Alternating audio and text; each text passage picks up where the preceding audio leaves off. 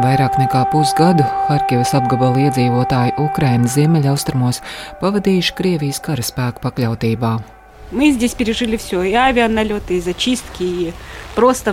Mēs šeit esam pārdzīvojuši visu, gan avio uzlidojumus, gan tīrīšanas un vienkārši sprādzienus. Paglabāju viņu no sākuma pagalmā, nu nebija kur viņu apglabāt. Augstums, bats un nemitīga cīņa par savu dzīvību bija ikdiena tūkstošiem cilvēku. No viņas miškām no galvas sēdēja mamma. Viņa ar maisu galvā sēdēja kopā ar mammu. Kad septembra sākumā Ukrāņi padzina okupantus no Harkivas apgabala, tur atklājās šausminoša aina. Posts un iznīcība, jauni masu kapi un arvien jaunas liecības par spīdzinātiem un nogalinātiem civiliedzīvotājiem. На нас ничего не было, кроме собственной жизни. Mums nebija nekā izņemot mūsu pašu dzīvību un cieņa, pirmkārt pret sevi un to, kas tev blakus. Mūs neuzskatīja par cilvēkiem. Mēs nešķitāli za ļudī. Mani sauc Indras Sprānce. Septembra beigās apmeklēju no okupantiem atbrīvotās teritorijas Ukrainā, Harkivas apgabalā, un par tur pieredzēto stāstīšu turpmākajā pusstundā.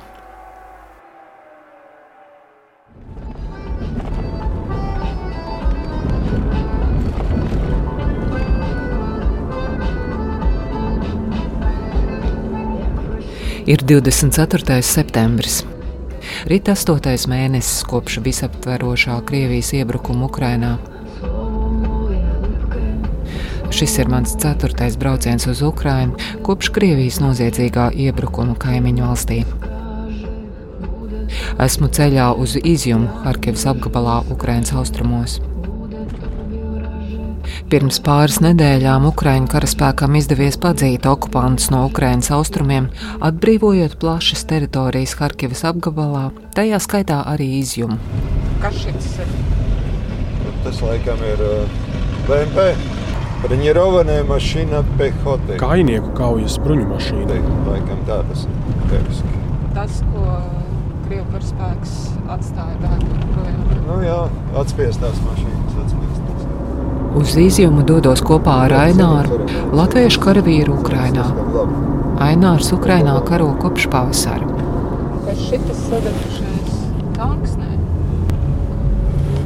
Pa ceļam uz izjumu daudz viet redzama sadegusi kaujas tehnika. Vietām arī vēl veseli tanki un cita tehnika ar zēju simboliku, kuru Ukrāņu karavīri turpina savākt. Ukrāņi paši šajās dienās joko, ka Krievijas armija nu pat ir kļuvusi par vienu no lielākajiem ieroču piegādātājiem viņiem Krievijas pašas uzsāktajā karā. Pabraucam garām bērnu laukumiņam, jeb tam, kas no tā palicis pāri, pamatīgi izpostītai baznīcai un nonākam līdz krūmu ieskautam placim, kas ir kā nosēts ar sadegušu Krievijas armijas bruņu tehniku. Izskatās, ka Ukrāņu armija šeit iebrucēja pārsteigusi negaidīti un vienā rāvienā iznīcinājusi pamatīgu kaujas vienību. No okupantiem tagad nav palikusi vairs neviena dzīva dvēsele, tikai metāla lūžņa, kur fonā priecīgi fotografējas cilvēku formstērpos un žurnālisti. Paldies!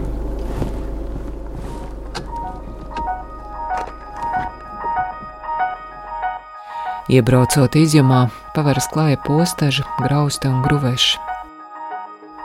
Reti, kur ēka nav cietusi. Šajā pilsētas daļā cilvēku ir maz.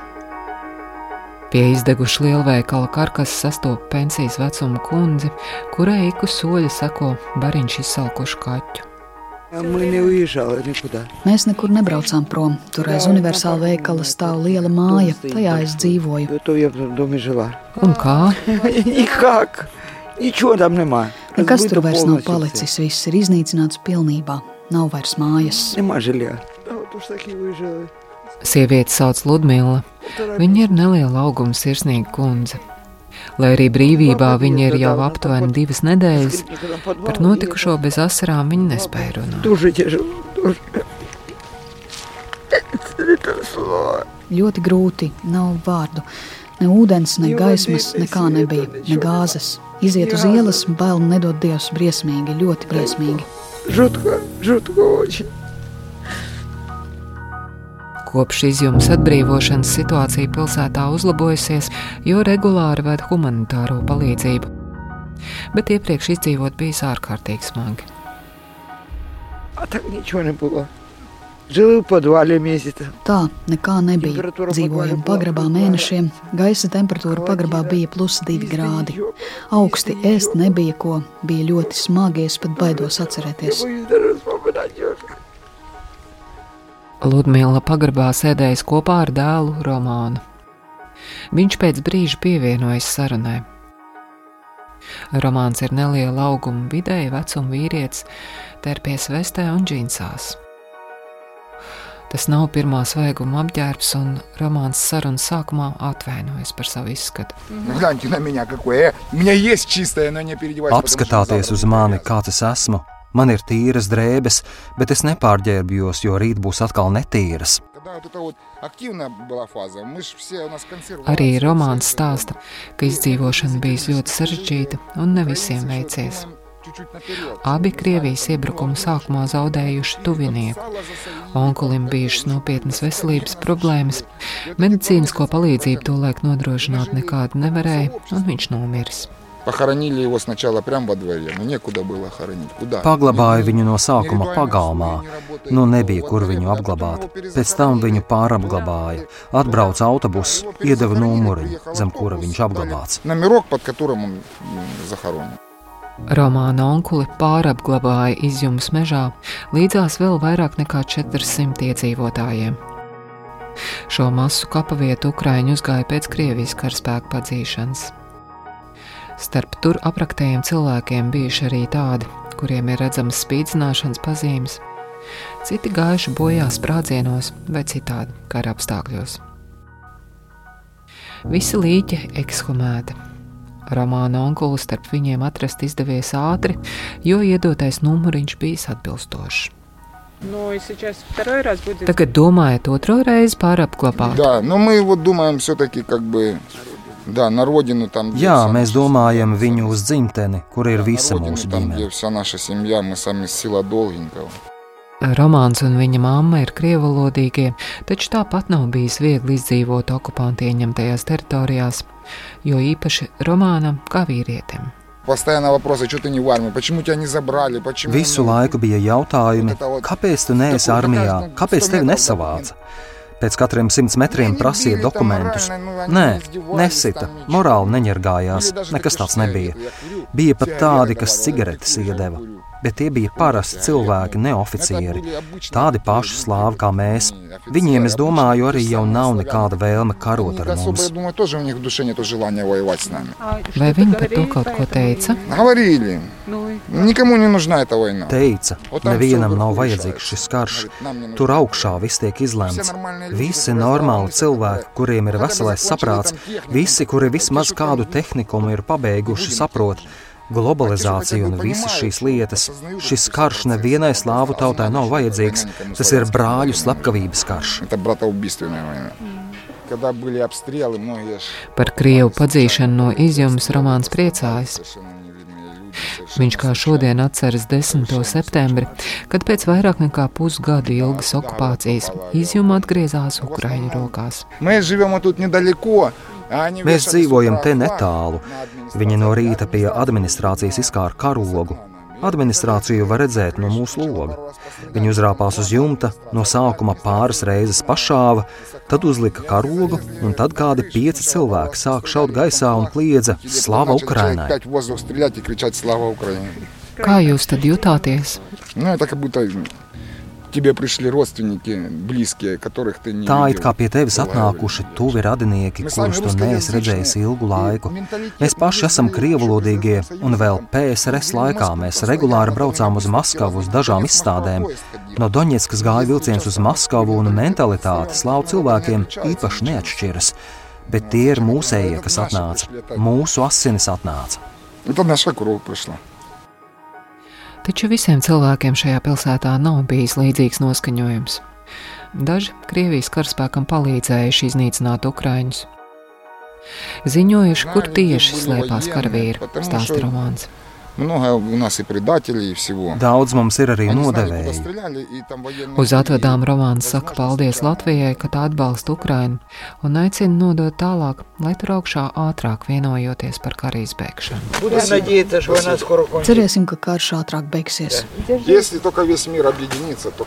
Ja visa pasaule apvienosies, tikai tā tas iespējams. Dodamies tālāk. Uz ielas satiekas Svetlana ar meitu Tātjanu, kas ir 5. klases skolniece. Arī viņas šeit pavadījušas visu okupācijas laiku. Kad interesējos, kāpēc nav braukusi prom, Svetlana atbild, ka nesot bijis kur. Kas būs, būs. Nogalinās, nogalinās. Izdzīvosim, tad izdzīvosim. Nu, paldies Dievam, izdzīvojām. No sarunas ar Svetlānu rodas iespējas, ka viņa varētu būt starp tiem, kas par izjums nonākšanu Krievu rokās īpaši nepārdzīvo. Krievijas karavīri esot bijuši labi. Viņi bija tādi labi, vienmēr sveicinājās, viņiem bija kara virtuve un piedāvāja nākt pēc ēdiena. Krievi, viņi bija labi. Viņi teica, ka visu ieņems, ka tā būs Krievu zeme. Izjuma un iesim tālāk. Visu ieņemsim un viss būs mūsu. Okupanti arī solījuši, ka atjaunos izpostīto pilsētu. Pensionāri jau saņēmuši pa vienai pensijai, un Svetlana pati arī esot saņēmusi 10 000 rubļu pabalstu, kas ir aptuveni 165 eiro. Tas gan bijis tikai par vienu mēnesi. Par karavīru zvērībām pret civiliedzīvotājiem Svetlana saka, ka neko nezinot. Toties zakšanu gan esot pamanījusi. Krievijas karavīri zaguši, kā saka, acis no pieres laukā. Mums tur ir mācība iestāde. Tur vispār viņi atbrauca, atved uz turieni kamazu un nesa ārā pilnīgi visu - spilvenus, sagas, matračus, visu, kas bija, visu.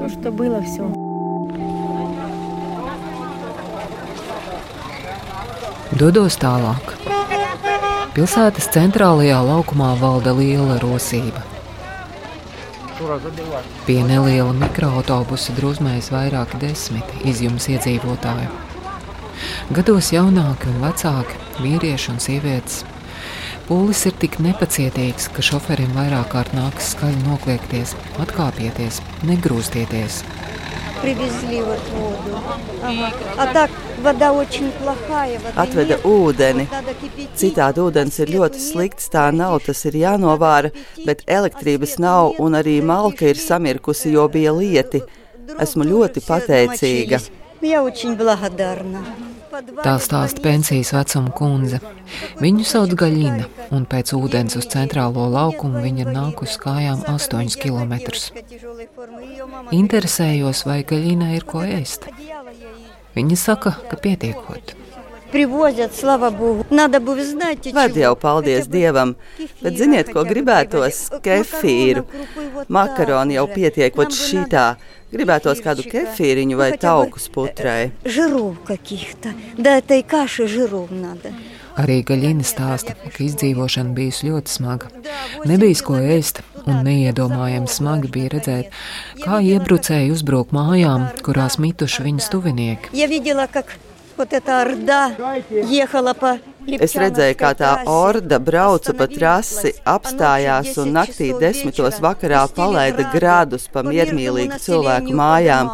Kvartālu pilnībā iznīcināja, pēc tam apmetās audzētavā un no turienes bombardēja pilsētu. Es tā trīcēju, man tur dēls dzīvoja. Dēli ģimenei paveicās, viņi neviens necieta. Viņi pa tā dēvēto zaļo koridoru pat tikuši laukā no izjums. Tagad apmetušies Ļbīvā. Gaļina pati apņēmības pilna visas grūtības pārdzīvot. Nu, ir daudz korespondentu, arī no Amerikas, lai apskata visu, ko tas Putins ir izdarījis, atbrīvotājs mūsu pēdiņās. Uzzinājusi, ka esmu no Latvijas, Gaļina Ukrainā notiekošo salīdzina ar Baltijas valstu cīņu par neatkarību. Jūs noturējāties. Es atceros, kādi jūs bijāt izsalkuši, nosaluši, bet brīvi. Tieši tādi paši arī mēs tagad.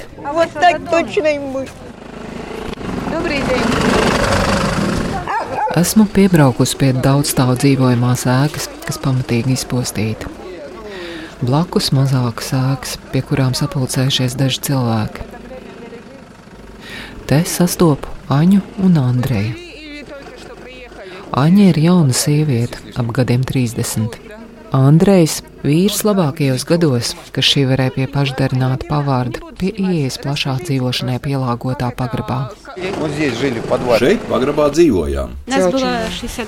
Mēs bijām 62 cilvēki.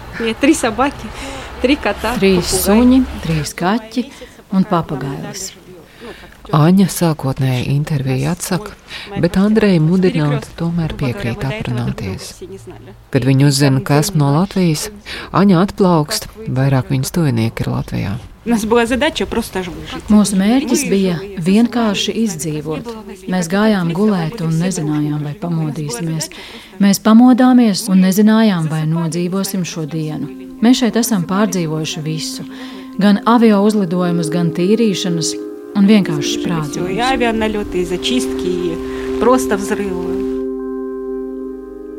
Āņa paņem lukturi un dodamies lejā pagrabā, kur cilvēki slēpušies no gaisa uzlidojumiem.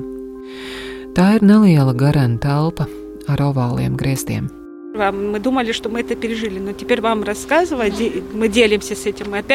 Mēs domājam, ka esam tikuši tam pāri, bet tagad jums to stāstīt, dalīties ar to nozīmē atkal atgriezties tajā. Viņai par pieredzēto grūti runāt.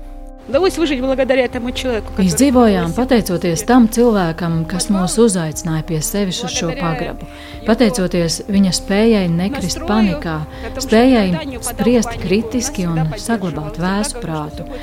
Kad veikals dega un mums visiem vajadzēja nosmakt šajā pagrabā, viņš visu pareizi novērtēja, ko, kur un kā. Nebija panikas, jo ar mums kopā bija īsti vīrieši. Esam nonākuši pagraba vidū. Pa vidu tam stiepjas galds, kas klāts ar gaišu galdautu. Gar malām daži ērti krēsli, bet pie sienām atstutētas vairākas gleznas. Pagraba saimnieks centies šo vietu iekārtot mājīgu. Un salīdzinot ar daudziem citiem pagrabiem, kurus Ukrainā esmu apmeklējis pēdējā pusgada laikā, šo patiešām varētu dēvēt par mājīgu. Pagraba dziļumā atsevišķa telpa, kurā cilvēki gulējuši. Uz grīdas matrači. Uz vienu no tiem gulējusi arī Aņa kopā vēl ar četriem cilvēkiem.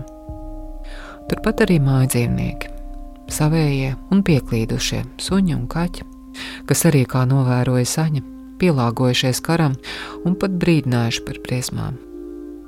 Viņi novērojuši, ka kāds no suņiem sācis smagi elsot īsi pirms uzlidojumiem, citi slēpties. Ja lido pie mums, tad dzīvnieki slēpjas. Ja šauj no mums, tad viņi sāk riet. Pavasarī pagrabā viņi bija savākuši visu izdzīvošanai nepieciešamo. Uz kāda no krēsliem joprojām stāv zīdēnīša drēbes. Te ir drēbītas bērniņam, ko nokristījām. Viņa atstāja par piemiņu. Nokristīto meitenīti sauc Nikola. Viņai bija divi mēneši, kad viņa nonāca šajā pagrabā. Savukārt vecākajai sievietei šajā pagrabā nosvinēta 90 gadu jubileja. Todien svētku mīlestā bija viens apelsīns uz visiem. Vēlāk vakarpusē kādam atradusies arī šokolādes konfekšu kastīte. Es tagad saprotu savu vecmāmiņu, kas pārdzīvoja badu un otro pasaules karu.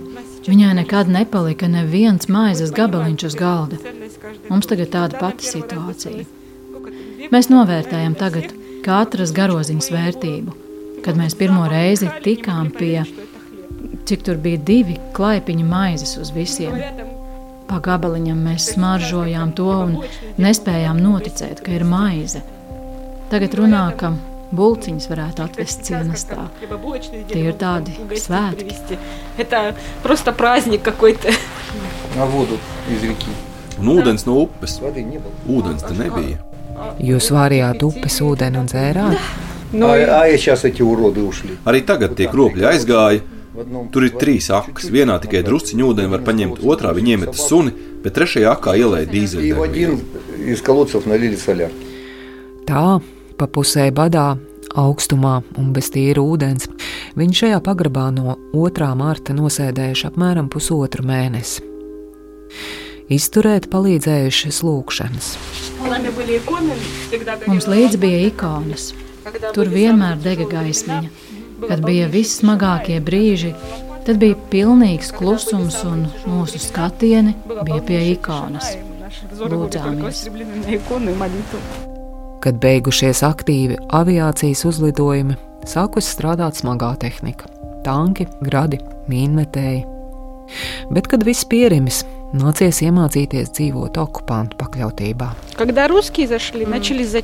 Kad krievi ienāca, sākās tīrīšanas, sākās lapiņas. Kas tās ir? Tas ir tādas kā lapiņas. Ja tu uz tām uzkāpi, tad paliec bez kājām. Pārvietoties bija bīstami, taču, ja gribēja ēst, nācās Jūnijā okupanti sākuši piedāvāt humāno palīdzību. Pirmo maizes klaipiņu iedeva vienu uz visu ģimeni, neatkarīgi no tā, cik tur ir cilvēku. Pēc tam jau deva pa kukurūzīm uz cilvēku divas reizes nedēļā. Vēlāk, reizi mēnesī, arī varēja dabūt konservu, kārbus ar sardīnēm, gaļu un spagetti pakas. Lai tiktu otrpus tiltam, bija jāšķērso četri krievu kontrolposteņi, un visos viņus pārbaudīja. Vīriešiem bija jāizģērbjas, okupanti meklēja tetovējumus, kas apliecinātu viņu simpātijas nacionālistiem vai karavīriem. Visiem pārbaudīja arī telefonu saturu. Tieši tā piekritusi Āņa, stāsta Andrejs. Nu, no viņas miškom na galvī sēdēja mamma. Mana malčī. Viņa ar maisu galvā sēdēja kopā ar mammu. Viņa klusē. Lūdzu, Aņai pastāstīt, kas toreiz notika. Redzams, ka viņai ir grūti par to runāt. Mūsu postenī apturēja un lūdzu uzrādīt telefonus pārbaudēji. Un nepatika, ka tur sarakstē vēl kara sākumā, 24. februārī, bija ierakstīts vārdu salikums Krievu maitas un ka orki. Viņi mums pierakstīja, ka mēs esam ziņotājs, ka mēs ziņojam, kur stāv krievu posteņi, lai pēc tam nodotu. Aņa ar maisu galvā tika nogādāta kādā nopratināšanas vietā. Viņi tur bija izveidojuši tādu kā tikšanās ar iedzīvotājiem vietu. Jūs tur bijāt viena? Es biju ar mammu. Mammai arī maisas galvā? Jā, lai mēs mazāk redzētu. Mēs dzirdējām, kā par cilvēkiem ņirgājas, kā viņus sit. Viņi skaidroja, ka marodierus audzina, bet to taču neviens nezina, kas tur bija. Garāžās cilvēki bija ieslēgti. Ko jūs dzirdējāt? Kliedzienus, cilvēciskas emocijas, ne pašas patīkamākās. Kā jūs tad jutāties? Mēs nedomājām, ka mēs tiksim ārā no turienes. Mēs atvadījāmies no dzīves. Tas ir viss. Мы не были уверены, что вообще нас оттуда когда-либо пустят. Ne Aņas mammai, ne viņai pašai fiziski pāri nesot nodarījuši. Iespējams, sargājis tas, ka okupantu rokās Aņa nonākusi jau ar sasistu seju. Traumas viņa bija ieguvusi iepriekš, kāda lādiņa eksplozijas rezultātā. Man bija sasista seja rēta no tās puses un lūpas uzpampušas.